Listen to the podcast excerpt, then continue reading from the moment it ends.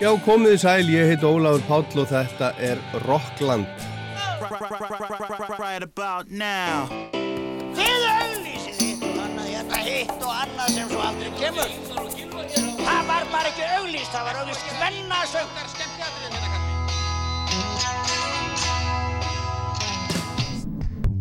Hvað gerir kvöld? Kíkja á tónleikana? Ekki? Það er ekki beint fyrir mig að við reynum einhverja brjála úlinga. Hvað minnur þau?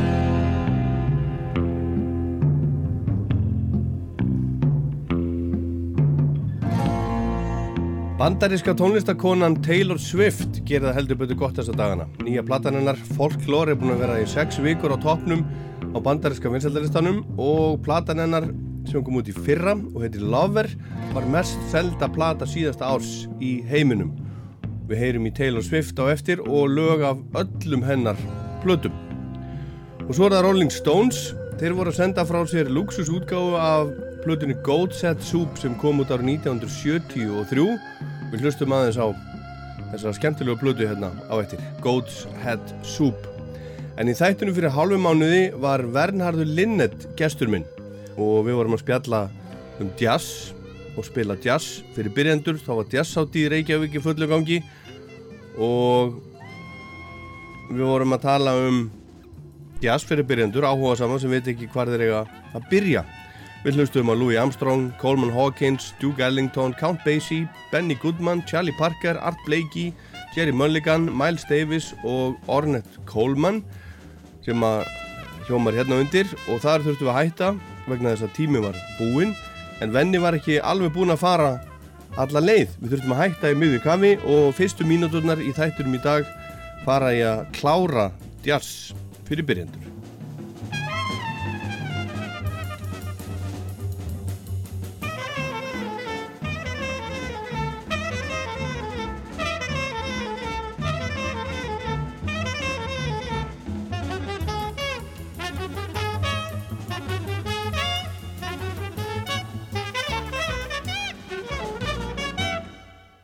Þetta er nú ekki fyrir, fyrir hvað sem er venni. Þetta er svona eins og einhver, einhver, einhver súpa sem er mjög skrítin á bræðið. Ornette Coleman.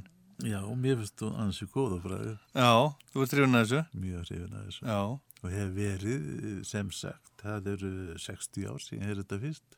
já. En hvað er, hvað er mikið sko, hérna, eh, sko þessi jazz svona meira og minna sem við erum búin að vera, vera að hlusta á og svona. Þetta er meira og minna spila. Þetta er meira og minna ósungið. Hérna, er, er, er, þykir sungin jazz ekki eins fín?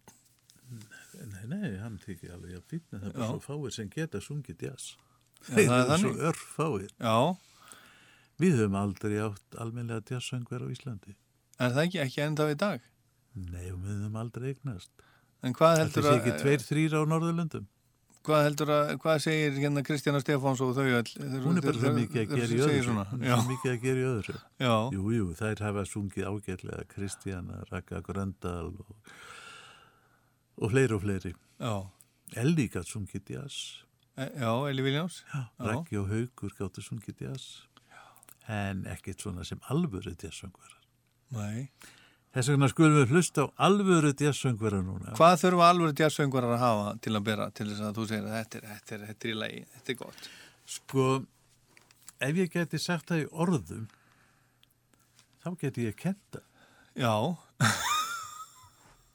Það er ekki hægt. nei, En en þú... þú... er þessi tilfinning Já, og það er þetta Ella Fitzgerald Já. sem er ju eina fínustu jazzsöngvurum allra tíma að sko hæfileikar hennar eru sama á hljóðfæraleikar hans að spinna alla fraseringar þetta er allt full mótaður jazz eins og hljóðfæraleikari var að spila auðvitað fyrir Louis Armstrong var ekkert mál því að hann var trompetleikar og hann söng eins og trompetleikari já, já, eða, já, já, já, akkurat. Alveg og Chet Baker, hann söng alltaf eins og trompetleikari. Og þú voru að vera eins og hljóðfæri. Því jazz er þetta hljóðfæratónlist. Auðvitað þekkir engin West End Blues eiginlega og hinn klassísku verk Armstrong sem gerði hann að stór listamenni. Menn þekkju auðvitað það sem var svona meira pop what, what a wonderful world. What a wonderful world. We all the time in the world. og, og Hello Dolly Hello Dolly gerði Louis Armstrong að heimstjörnu Já, og það er þetta gaman að sagan um Hello Dolly að hann hljóðrita þetta fyrir umbósmann sinn. En vinur, sonur vinar umbósmannsins hann átti plötu fyrirtæki og vantaði einhvað svona til að starta eitthvað svona, einhvern frægan. Og Armstrong gerði það fyrir umbósmanni sinn að, að fara og spila þetta lagin og plötu. Já. Hann bara kom inn í stúdíu og þeir liti á nótunar og svo spilaði þeir. Hello Dolly. og svo fóru þeir og glemdi því. Já. svo er þetta gefið út á 45 snúninga plötu að mér minnir og fara að spila þetta út á stöðunum. Svo er Armstrong stættur á tónleikum einhvers staðar í miðjum bandaríkjónum þá byrja líðurinn alltaf að rópa Hello Dolly, Hello Dolly. Já, og Armstrong segir félag hvaða Dolly er að tala um? Já. Það vissi engin, Nei, ég er búin að gleyma það einu bara. lungu búin að gleyma þessu. Já, og hann ringir í umbúrsmannin og, og hann sér, þetta er lægi sem þú spilaðir þarna einn, ég, ég bara sendi þér plötuna. Já, og eftir það þetta söngan Hello Dolly á hverjum einustu tónleikum. Hérna í háskóla bíu var þetta, þetta ekki alveg nógu gott, ég held að þetta verið tíu mínútur. Það var klappað alltaf upp já. Bara þú veist að syngið aftur og aftur. Já, já, og við mistum af ýmsum komið djarsleikur sem annars hefði verið Akkurat. Svo þetta merkið What a Wonderful World Sko, Hello Dolly kemst upp á vinsættalistan og riður bílunum burt Ég man ekki hvaða lag það var My Loving, eitthvað svo liðis Það dettur bara á fyrsta sæti og Hello Dolly kemur í staðin What a Wonderful World var ekki spilað í bandaríkjunum það var einhver samningsatrið í vandamál. En það kemst á vinsættalistanum eitt í Bretlandi. Svo bara Deyr Armstrong. 11 árum síðar þá er þetta notað í kvikmyndinni Good Morning Vietnam Robin Williams. Já, já, já. þá er það komið 80 og eitthvað. já, þá kemst það aftur á, í fyrsta sæti á vinstættalistunum og ég veit ekki um nokkuð listamann sem vegnast fyrsta sæti lagi fyrsta sæti vinsættalistans 11 árum eftir döða sig Nei, það er ekki, ekki, það er ekki margir sem en hafa nú verður yfirlifað þetta það. einhver líkur svo er þetta gerðan hérna í James Bond og svo Já, já, framvegis. já, já. Herðu, næst ætlum við að heyra Foggy Day. Já, það er Görsvín Opus og, og ef einhver samdi flotta söngdansa, þá var það George Görsvín. Hvað sem það voru úr söngleikum eða óperunus Porgy and Bess, Summertime og öll þau lög. Og þannig eru L og Louis og þetta er ein af fjórum plötum sem þau gerðu saman. En þau hittust kannski bara, þú veist, fjóra klukkutími í stúdíói. Það er bara ákveðið hvaða lög er þau. Svo voru þau farin sitt á sitt hvora tónleikan í sitt hvori borginni. Þetta var bara eilíf tónleikaferð Já, já. í kringu nöttin. I was a stranger in the city, out of town where the people I knew. I had that feeling of self pity. What to do, what to do, what to do. The outlook was decidedly blue.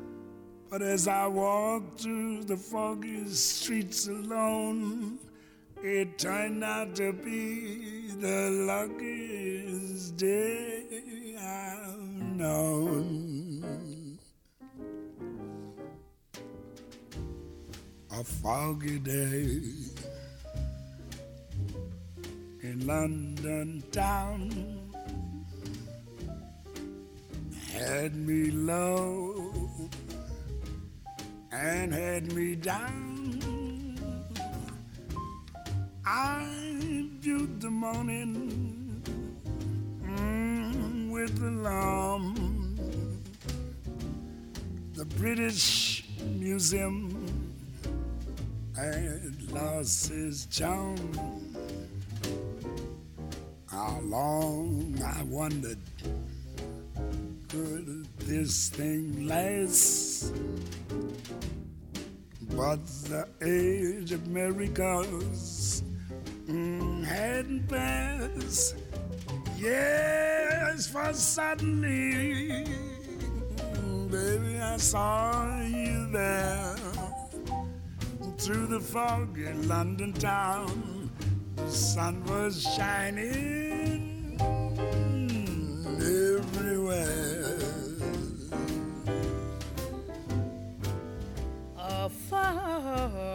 day in London town had me low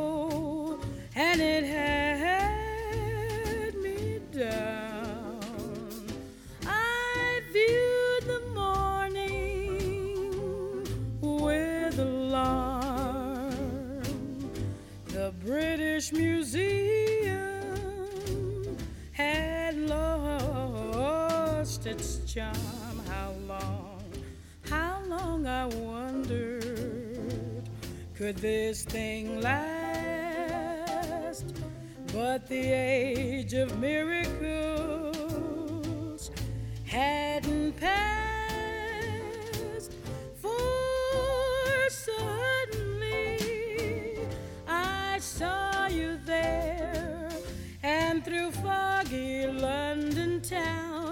the sun was shining everywhere.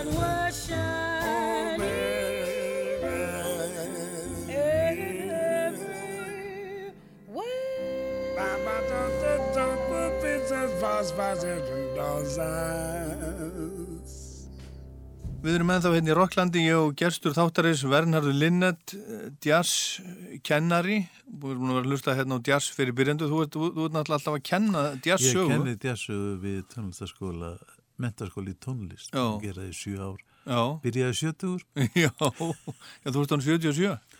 Nei, ég verð 76. Þú Mér 70. finnst Betra að hafa mig aðeins. Æ, já, ok, ok, 76, já, já, og hérna, og, og, og, og alltaf jafn gaman? Það er alltaf ég gaman því að það er bara endur nærandi að hitta þetta unga fólk. Já, Sumt er hefur aldrei hirt jazzlag. nei, Aðrir hafa hlusta á jazz mikið. mhm, Þetta er dálítið ólíkur hópur og dálítið, dálítið vandi að, að sko að ná til þeirra allra.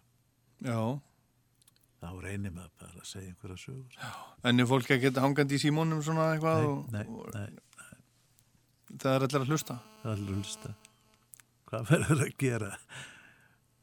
Klukkan hálf sjö til átta á miðvíkudagskvöldi annar að hlusta. Hljóta að hafa áhuga. akkurat.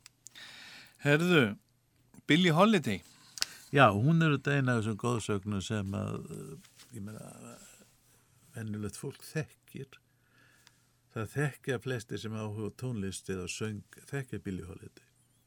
Þetta saga hennar var sorgarsaga því hún ánættjaðist heroinni og hún deyr hvað, 45 ára gömul eitthvað svolítið, 1959 sama ár og Lester Young vinnur hann að dó 50 úr.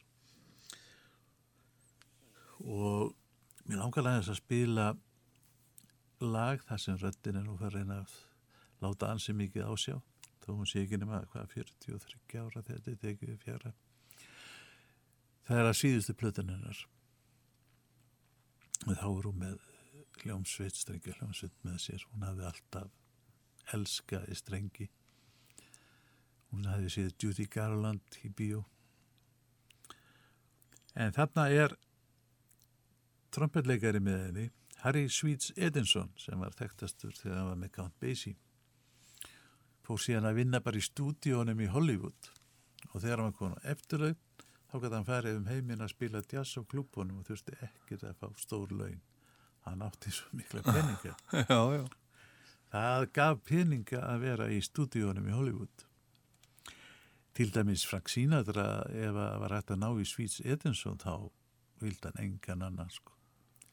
Söngbókum Ellu þar er hann bakvið og hér er eitt ágætt lag sem heitir All of You eftir Cole Porter og það er það sérstak sko, hann gaf spila sama tónin oftan Harry Sweets kannski tíu sinnum að hann var alltaf betur og betur og við skulum heyra þetta. Al Con með tenrósólufin I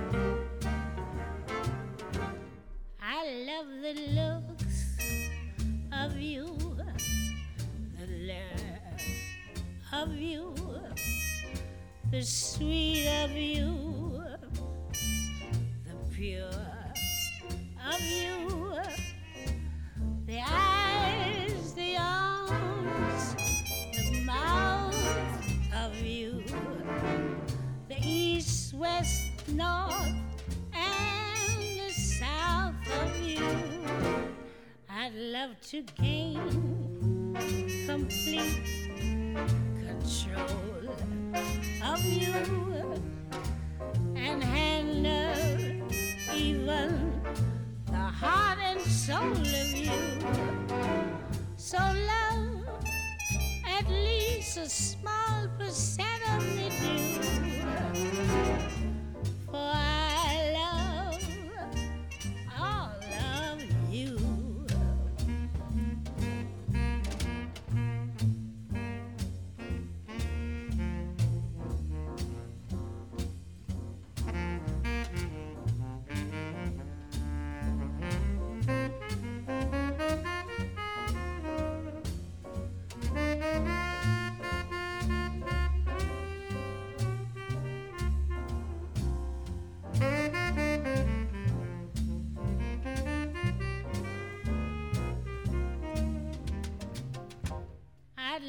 To gain complete control of you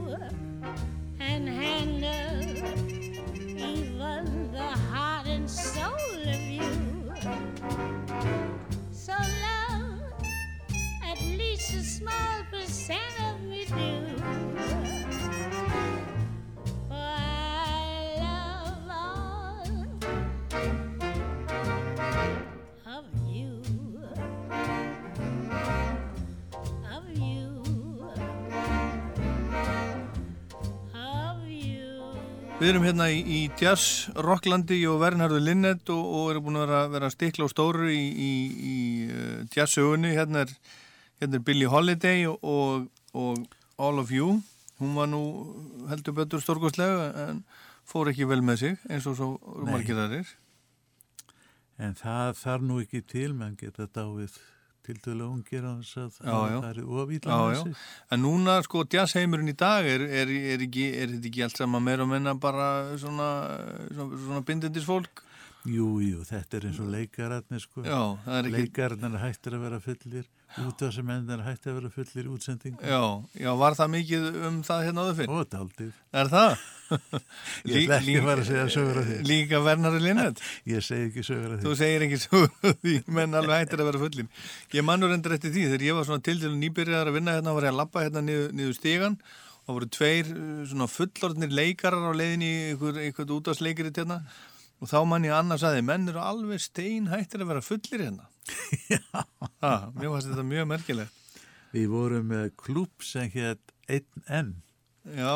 Hittumst á föstu dögum í hátíðinu á Kringlugráni og vorum þar fremstir í flokki ég og Ólafur heitin Þórðarsson. Já. Og við borðuðum Já. og fengum okkur svo 1N. 1N. En ekki meira því að Bara það einn. þurft- þurfti að fara í Einn, einn öl. Einn öl fyrst og svo einn enn. Og svo einan, hefðu, ok. Níls Henning Örsteð Pedersen. Já, hann er líklega ástsælasti jazzleikari á Íslandi sem ekki er Íslandingur Já, og hann kom hinga fyrst 1970 og ég meðan sex eitthvað Já. sem við spilaði Norræna húsinu og spilaði sér inn í þjóðahjarta með já, já. Det var en lördag aften Já. og fleiri slíku. Og þið drukku svolítið saman. Já, mikið. Já, Og við vorum náni vinir, sko.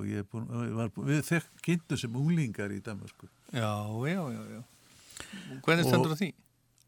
Já, ég var bara mikið í Danmarku og var alltaf bjóið á Jazzús Montmartre, það sem hann spilaði mikið. Já, já, já, já. Nú, hann kom hinga einhvað 10-12 sinnum og það var alltaf fullt. Ég vildi háskóla bíói. Hann kom hinga með Óskar Pítisson og þið spiluðu lögadagsöld, tveir. Og við verðum að hafa hann hérna sem fulltrú Evróstjas því við höfum bara verið með bandaríkjumenn Mm og við langar að spila lag sem að er Batnagæla og var gífulega vinsalt þegar hann spilaði hér alltaf allt klappað og hrópað þegar þetta lag var á dagskrá. Hérna þrýr litli fílar koma gangandi. Og við heyrum fyrst örstuttan fórmála sem er eftir Paganini en hann kann spila á bassa það sem Paganini kann spila á fýðlu og, og hann sprengdi gítarist oft þegar þeir voru að spila saman uh, Já, já, og já. lett með það þó hann væri ekkit fyrir það sko. Nei, hann var ekki neitt senuð þjófur. Nei. og þannig er Úlkokk Hansen með honu sem kom oft. Þeir hljóðritu Íslands þjóðlu þeir hljóðritu Víkivaka eftir Jón Múla og fleira og fleira. Miklir Íslands vinir í orsins al, í alvöru merkingu orsins ekki að kæmu yngi heldur. Kunnuðu góð skil af íslenskri menningu. Níl Henning var til dæmis mikil lagsnes aðdáðandi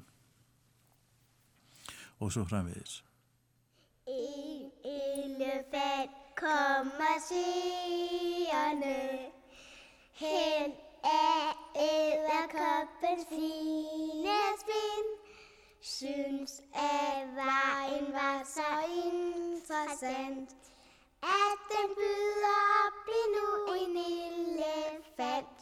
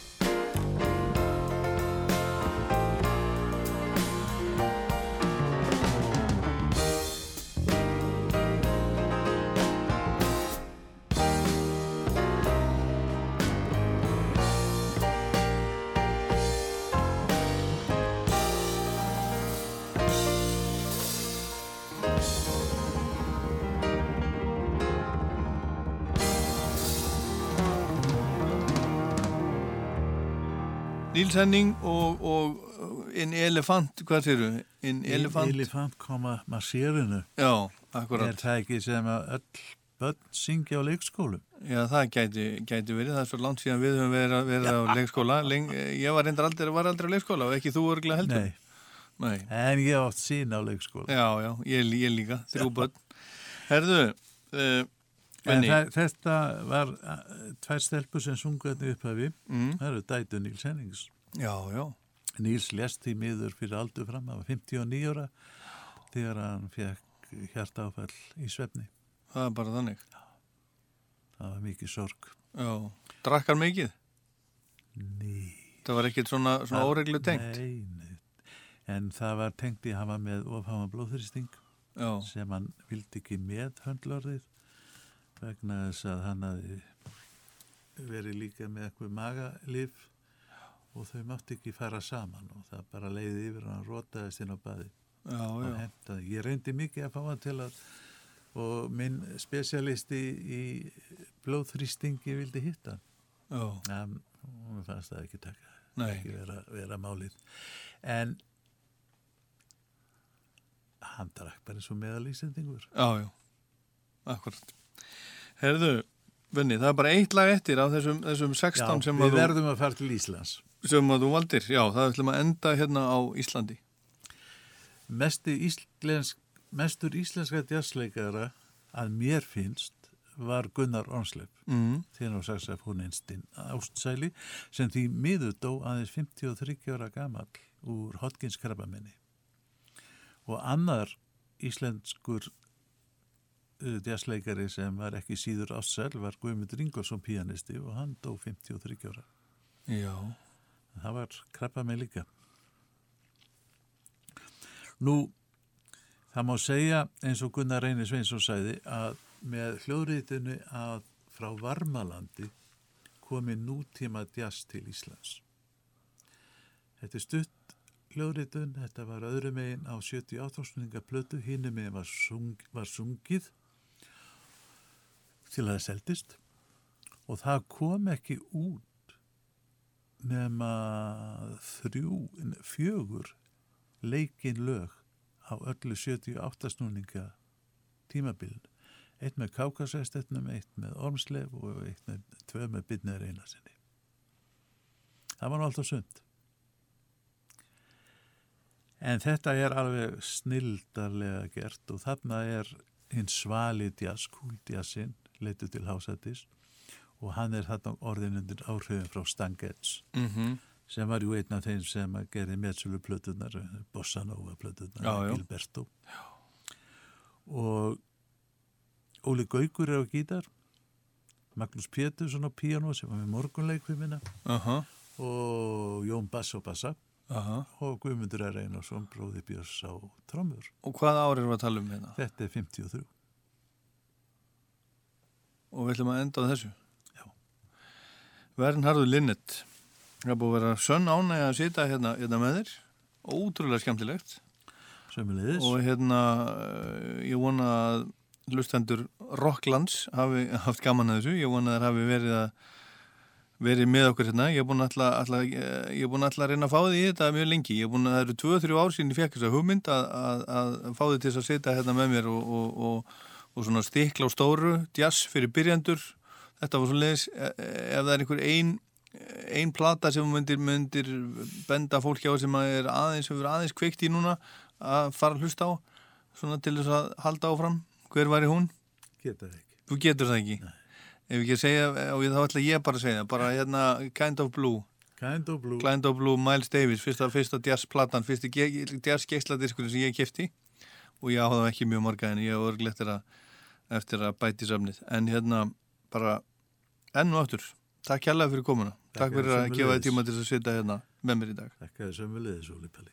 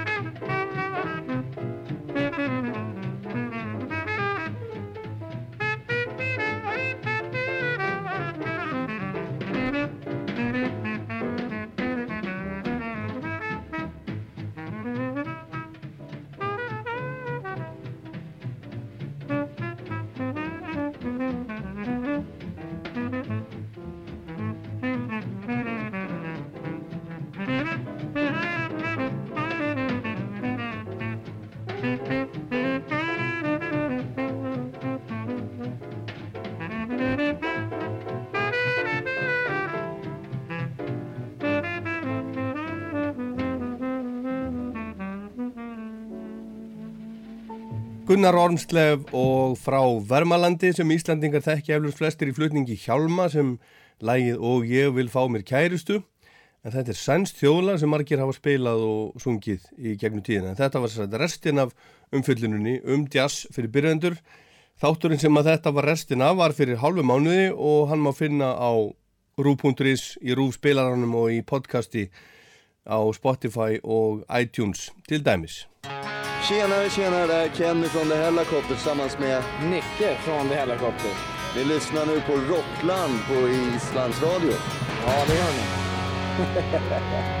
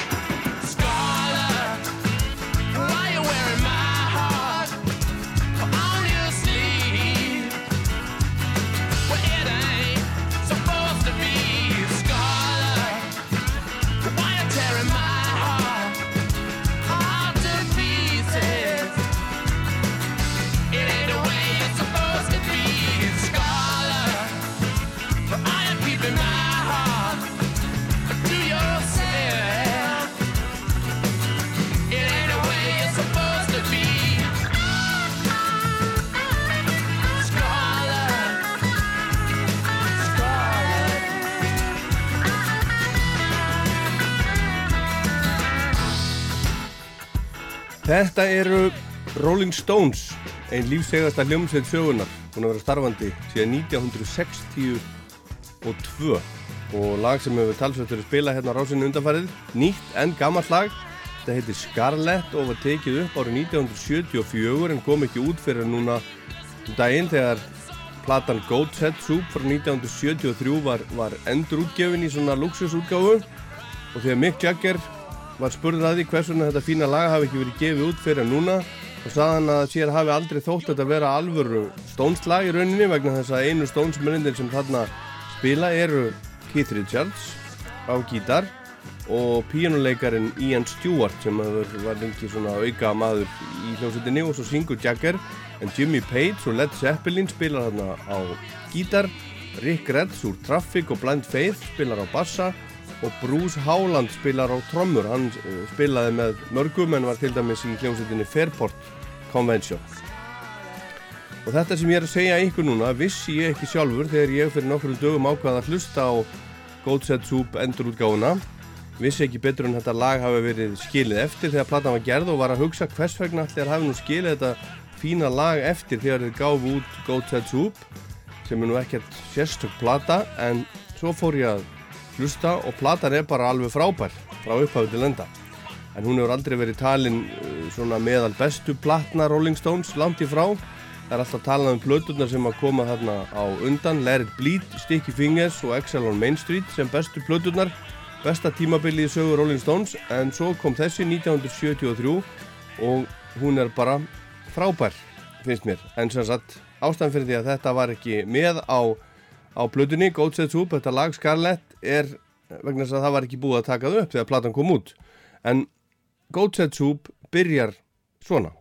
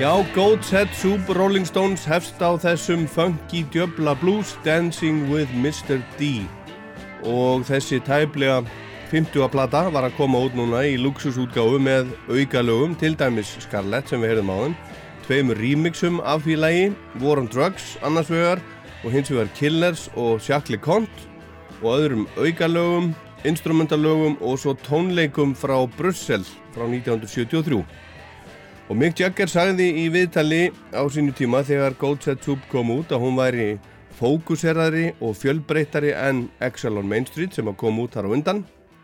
Excel þótti mörgum ansi, ansi þung og hún fekk ekkert alltaf góða dóma þegar hún kom út en vegur hennar hefur svo vaksið jamt og þétt síðan þá og, og margir tala um hana sem he, uh, svona mistaraverk Rolling Stones. En við skulum heyra meira af Goat Set Soup Do Do Do Do Do Heartbreaker sem gæti bara hafa verið að koma út núna vegna þess að það fjallar um lögreglu ofbeldi.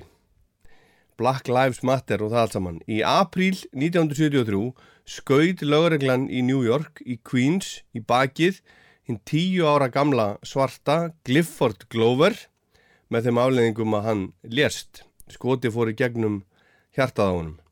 Og málið er að það hafi verið framið vopnað rán hérna í Queens og tveir óenginis klættir lörglumenn stoppuðu Clifford litla og, og pappans og heldu að þeir hefðu framið ránið, lýsingin einhvern veginn, þeim fannst hún, hún passa við þessa, þessa tvo náunga, einhver löta vegna, en þeir feðgarnir vissi ekki að það væri lörglumenn, hlöp á stað, heldu að þessi náungar ætluðu að ræna og þeir, þeir veifuðu bissum framann í þá og þeir hlöp á stað og, og löggurna skutu á eftir þeim með þeim afleðingum að Clifford 10 ára lést. Þetta allir uppþótum í borginni á sínu tíma og mótmælum og lauruglumadurinn var dreginn fyrir rétt en síknaður af hviðdómi. En lægi lifir.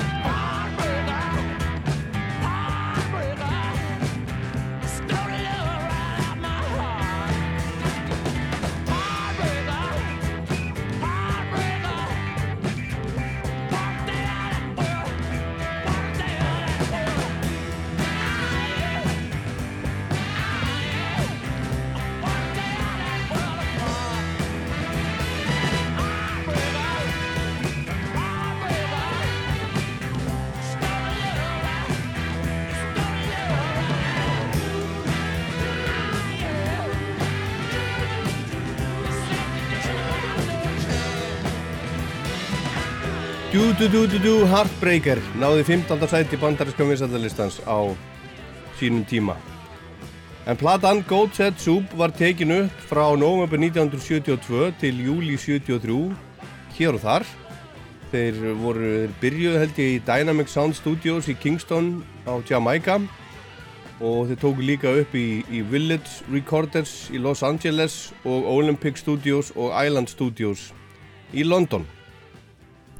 Hún fór á toppin á vinsaldalistunum bæði í Breitlandi og Bandaríkjónum, fymta platan í röð sem að fór á toppin í Breitlandi og þriðja í röð í Ameríku. En, en þar höfðum farið á toppin á undan Sticky Fingers og Exile on Main Street.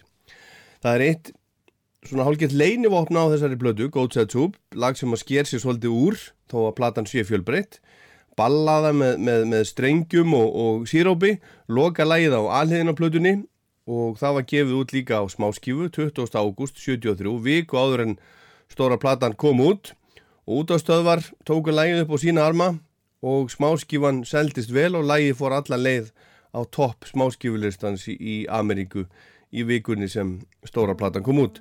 Það er þetta lag hérna sem heitir. Angie,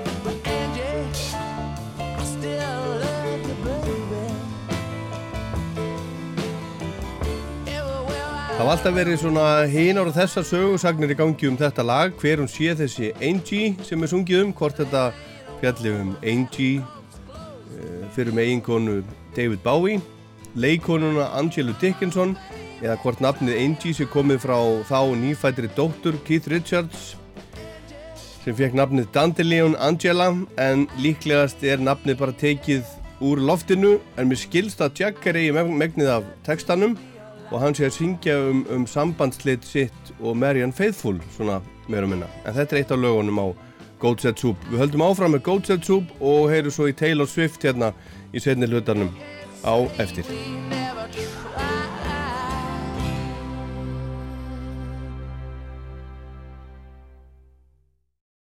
This is Ian McLagan speaking to you on Icelandic National Radio 2. Have a lovely day. Good health.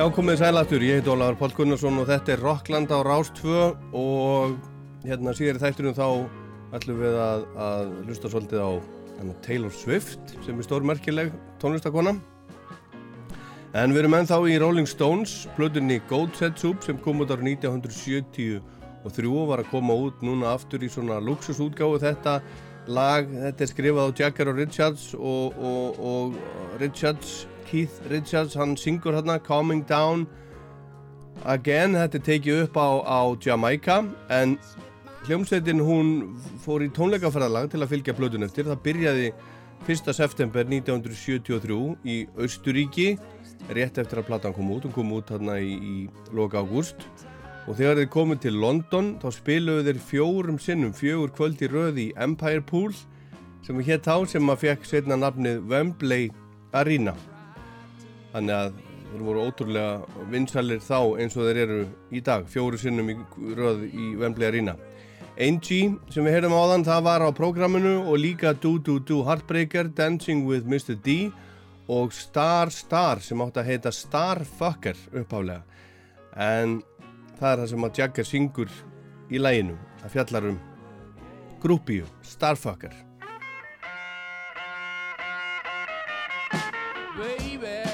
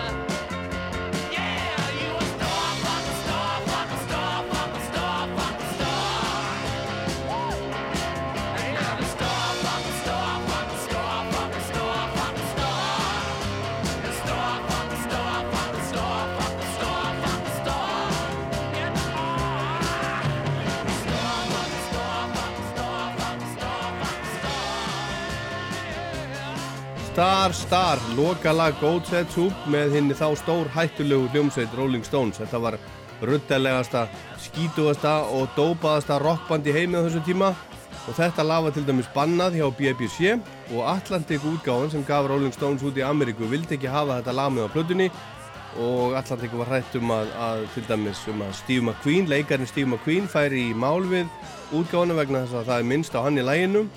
Svona í textanum segir Yeah, Ali McGraw got mad with you for giving head to Steve McQueen. Hljómsveitin sendi honum bara lægið og hann sagði þetta er ekkert mál mín vegna og, og, og lægið kom út á blötunni en margir aðdáðundur Stones segja að þarna á þessum tíma hafi Rolling Stones verið, verið bestir. Best mannaðir, besta bandið. Þarna eru Jagger og Richards trommarinn Charlie Watts þeir eru allir þrýr en þá Bill Wyman er þarna á bassa og svo gítarleikarin Mick Taylor sem tók við af Brian Jones þegar þeir ráku hann nokkur márum fyrr.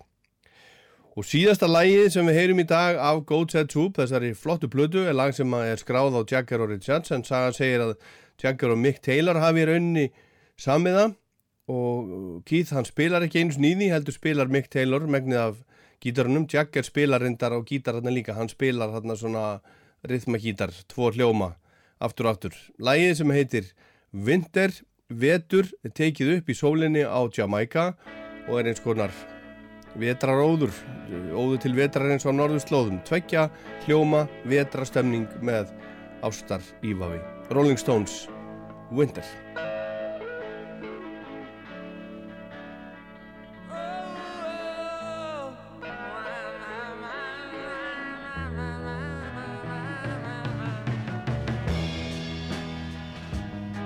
And it sure been a cold,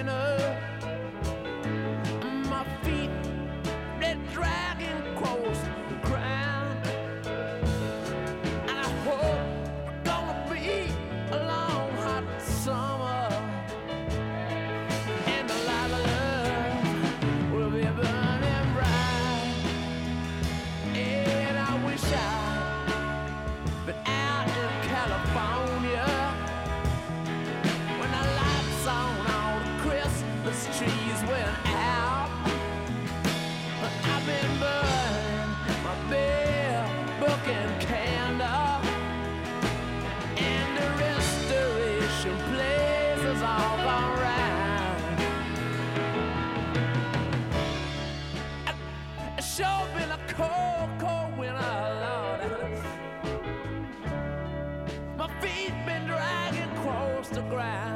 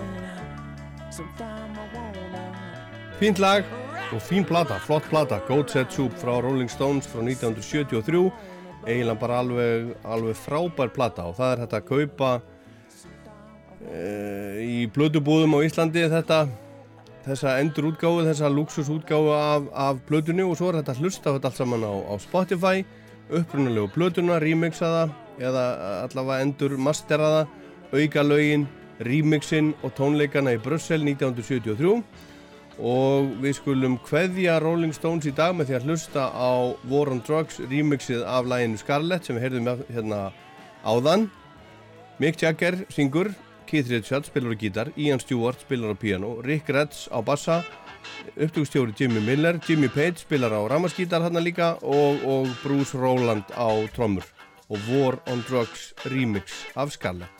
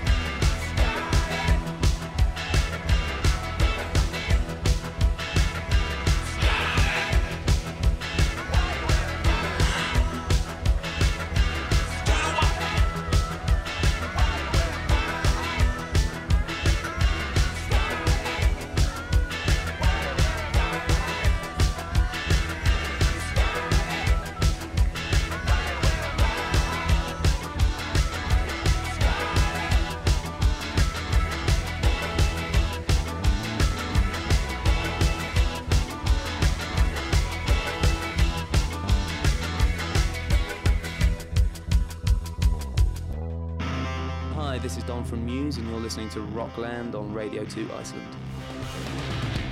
Já, þetta er Rockland og ég heit Ólaður Pál Gunnarsson og nú skulum við heyra aðeins í og af Taylor Swift sem sendi óvænt og öllum ofurum frá sér plötu núna um daginn sem heitir Folklore, kom út fyrir einum að hálfu mánuði og hún er búin að sitja á toppi bandariska vinsallalistans síðan hún kom út í sex vikur. Taylor Swift er þrítug, fætt í desember 1989 í West Reading í Pennsylvania. Hann flutti til Nashville, country eða tónlistarborgarinnar Nashville 15 ára gömul í þeim tilgangi að freysta gæfunar í tónlistinni, country music. En árið áður þegar hún var 14 ára var hún yngst allra í sögunni til að gera samning við það sem heitir Sony ATV Music Publishing House. Svona uh, laga, smíða samning einhvern og 15 ára gerði hún svo fyrsta plötusamningi sinn Fyrsta platan hennar, Taylor Swift, kom svo út 2006 þegar hún var 17 ára og hún setti strax met með þeirri plödu en engin plata var lengur á bandariska vinsætlanlistanum áratugin millir 2000 og 2010 en þessi plata og eitt lag af plötunar fór í fyrsta sæti countrylistans í Ameríku og með því varð hún yngsti einstaklingurinn til að semja og flytja topplag listans. Þetta lag hérna sem heitir Our Song.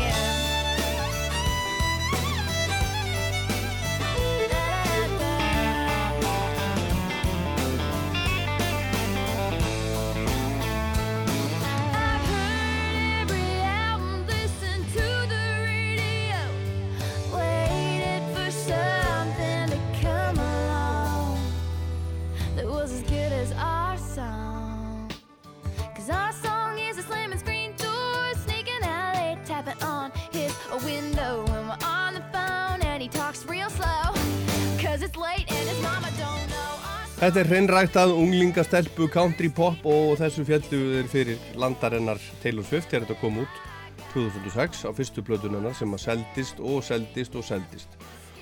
Og svo kom önnur platan, tveimur án setna. Hún heitir Fearless og hún gekk ennþá betur.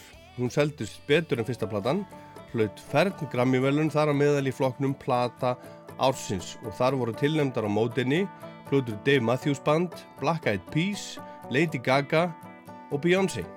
Við heyrum laga Fearless sem að heitir Love Story. We were both young when I first saw you. I close my eyes and the flashback starts. I'm standing there on a balcony in summer air.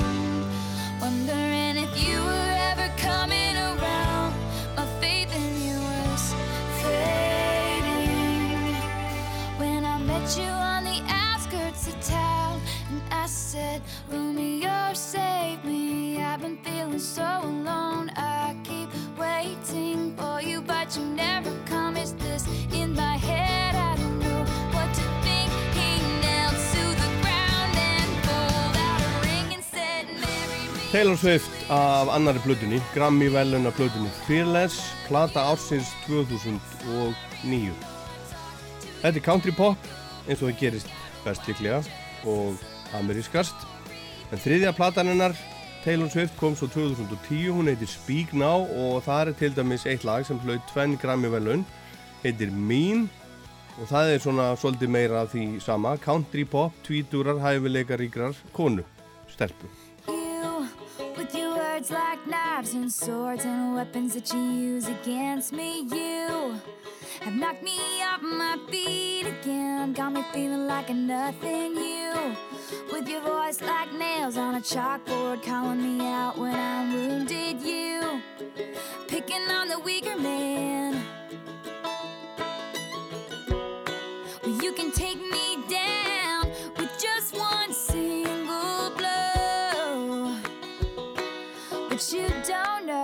You don't know. Someday I'll be living in a big old city, and all you're ever gonna be is mean.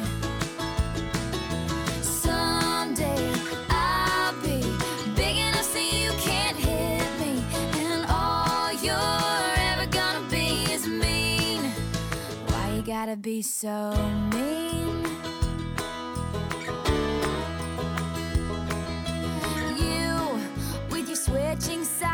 Wildfire lies and your humiliation, you have pointed out my flaws again as if I don't already see them.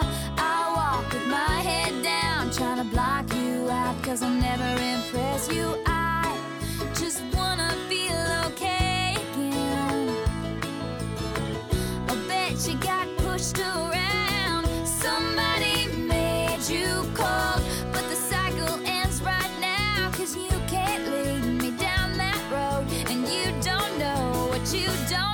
Don't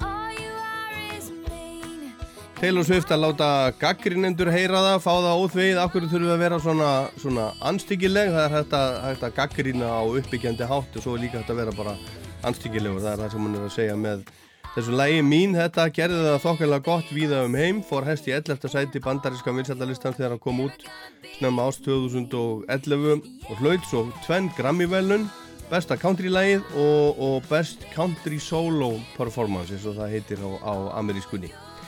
En svo var það með næstu plötu sem kom út 2012 og heitir Red að ferill Taylor Swift tók nýja stefnu í áttina að minna country og meira poppi og það er að finna fyrsta lægina sem fór alla leið á toppin á bandariska vinsætlarlistan. Það er þetta hérna.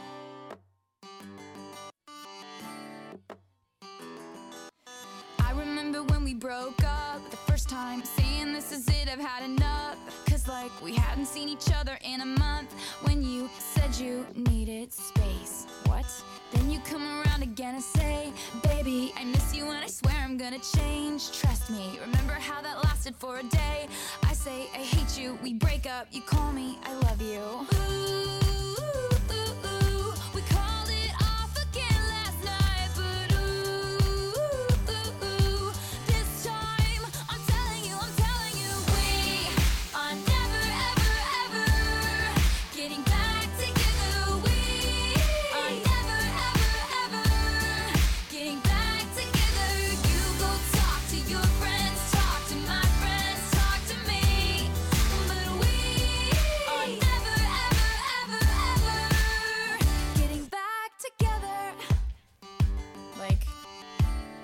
forever. I'm really gonna miss you picking fights and me falling for it, screaming that I'm right. And you would hide away and find your peace of mind with some indie record that's much cooler than mine. Ooh.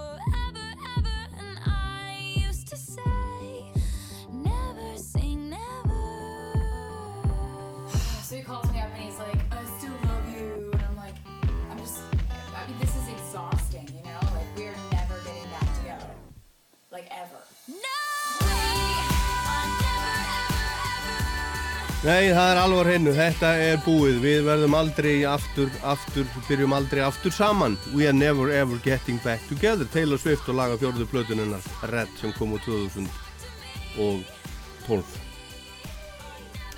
Næsta plata, fymta platan, markaði svo enn eitt uppafið. Platan heitir 1989 sem er fæðingarár Taylor Swift og með henni varð hún fyrst hvenna til að fá Grammy fyrir plötuásins tvísvar það hefur engri annari konu tekist.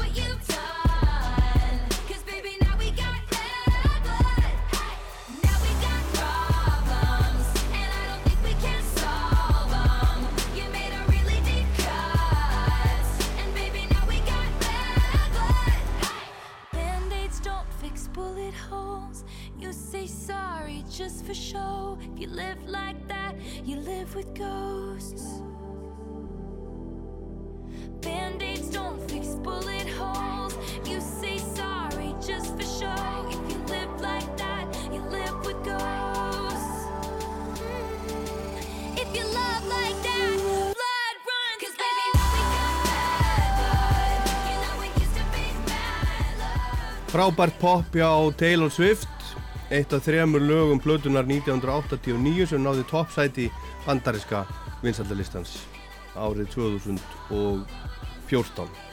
Hinn heita Shake It Off og Blank Space.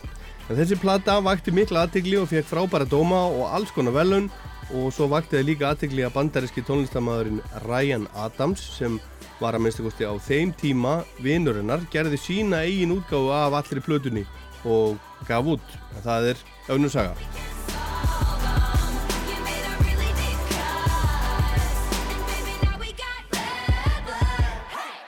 Og áfram held hún, hún held áfram að setja met, hún er alltaf að setja einhver met, hún Taylor Swift, sjötta platan henni heiti Reputation, kom út 2017 og með henni sett hún met, hún var fyrsta konan í sögunni til að selja meir en miljón eintök af plötum í útgáfu viku fjórum sinnum í röð, fjórar plötur í röð.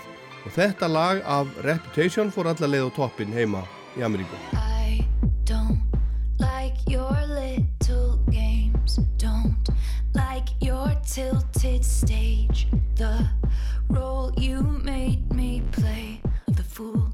No, I don't like you.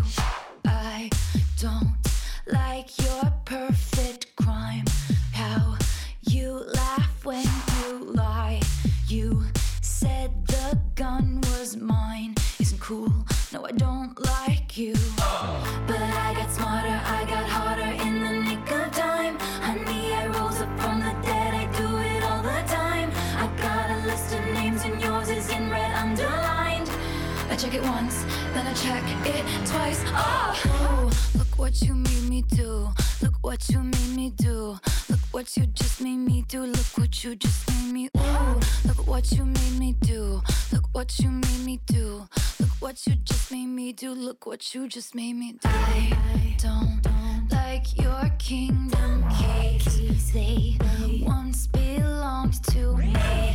You asked me for a place to sleep, locked me out, then threw a feast. The world moves on another day,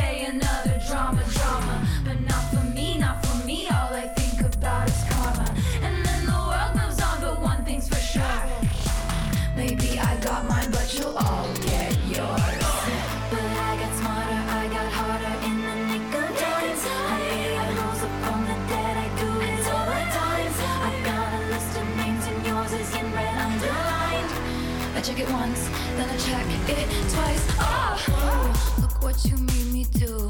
Look what you made me do. Look what you just made me do. Look what you just made me do. Look what you made me do. Look what you made me do. Look what you just made me do. Look what you just made me do. I don't trust nobody and nobody trusts me. Þetta er kona dagsins Taylor Swift fyrir þremur árum á hip-hop skotnu plötunni Reputation. Í fyrra kom svo enn einn platan, Lover, og hún var mest selda plata ásins í heiminum í fyrra, það er ekkert öðruvísi en það. Og hún lendi líka á fjölda lista, tímarita og blada og tónlistar vefa yfir plötur ásins. Til dæmis er hún í þriðasæti á lista Billboard í fyrra yfir plötur ásins, fjórðasæti á Rolling Stone og hún var tilnæmt til alls konar velun og hlaut Grammy velun í flokknum Best Pop Vocal Album. Skulum heyra lag af henni sem að náði hæst í tíundasæti Billboard. Það heitir Lover, titillægið. We could leave the Christmas lights up till January. This is our place, we made the rules. And there's a dazzling haze, a mysterious way about you, dear. Have I known you 20 seconds or 20 years?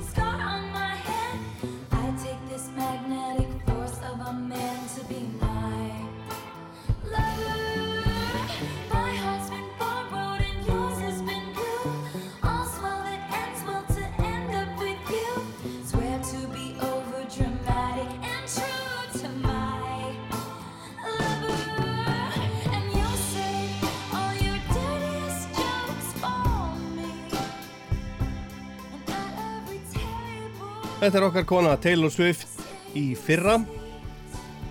Titila plötuna Lover sem fjallar um ímsar hliðar ástarinnar. En svo kom nýja platan hennar út 24. júli með 12 tíma fyrirvara. Öllum að óvörum og þar kveður við nýjan tón svona svolítið indie og alternative eins og það heitir útlensku. Að minnstu kosti er búin að stækka og vika út aðdáðandahópin enn einu sinni með þessari plötu. Ég efast um að hann mingi ég held að gamlir aðdáðandaru séu ánaðir með plötuna en líka séu hún eignast svolítið stóran hópa af nýjum aðdáðandum með þessari, þessari plötu. Hún heitir Folklore og við erum búin að vera að spila laga um undanfari hérna á rásvinni sem heitir Cardigan. Við skulum heyra það einu sinna Vintage tea, brand new phone, high heels on, cobblestones. When you are young, they assume you know nothing. Sequin smile, black lipstick, sensual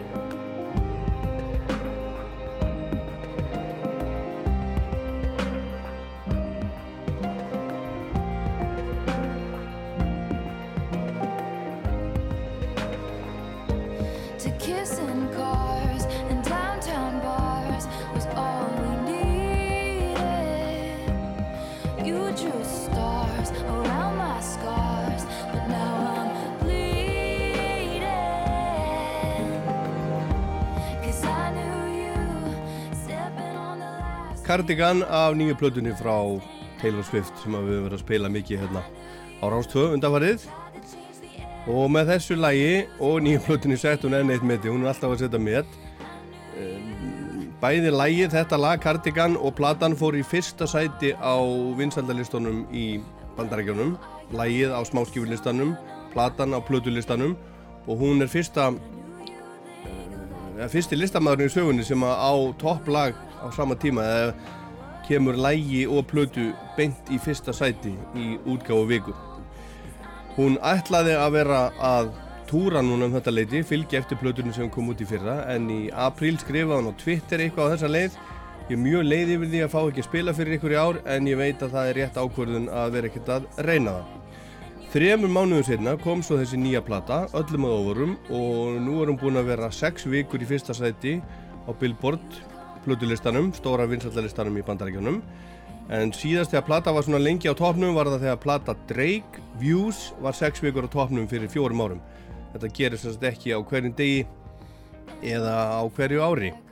Og alltaf verður hann að setja með plata náði á útgáðu degi rúmum 8-10 miljónum streyma á Spotify. Það er alveg svakalega mikið. Og í dag eru streymin hlustarinnar komnar í rúma 2 miljardar um allan heim Laugin á plötunni segist hún að hafa samið og tekið upp í hálgerri einangrun en hún er samt ekki alein vegna þess að henni til aðstóðar voru tveir náungar sem hún heldur mikið upp á. Aron Destner úr hljómsveitinni The National og Bon Iver. Hann syngur með henni þetta lag sem við heyrum hérna næst og heitir Exile.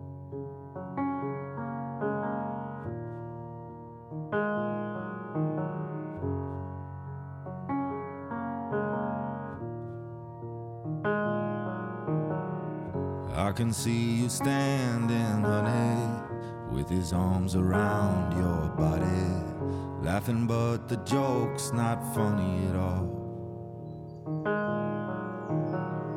And it took you five whole minutes to pack us up and leave me with it, holding all this love out here in the hall.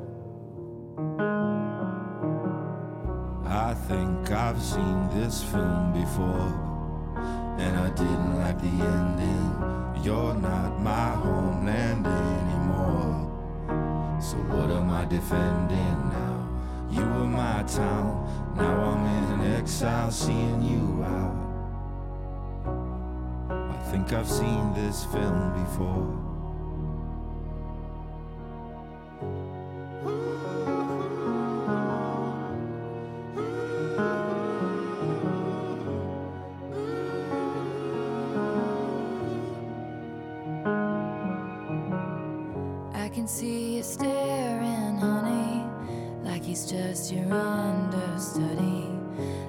Get your knuckles bloody for me.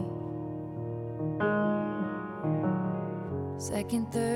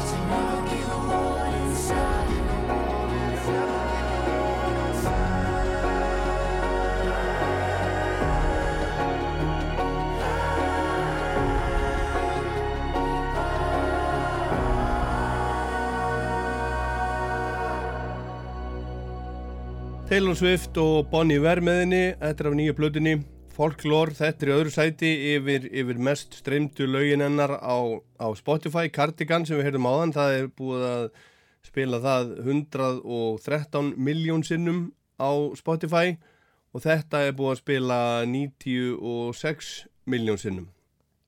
Exile heitir þetta.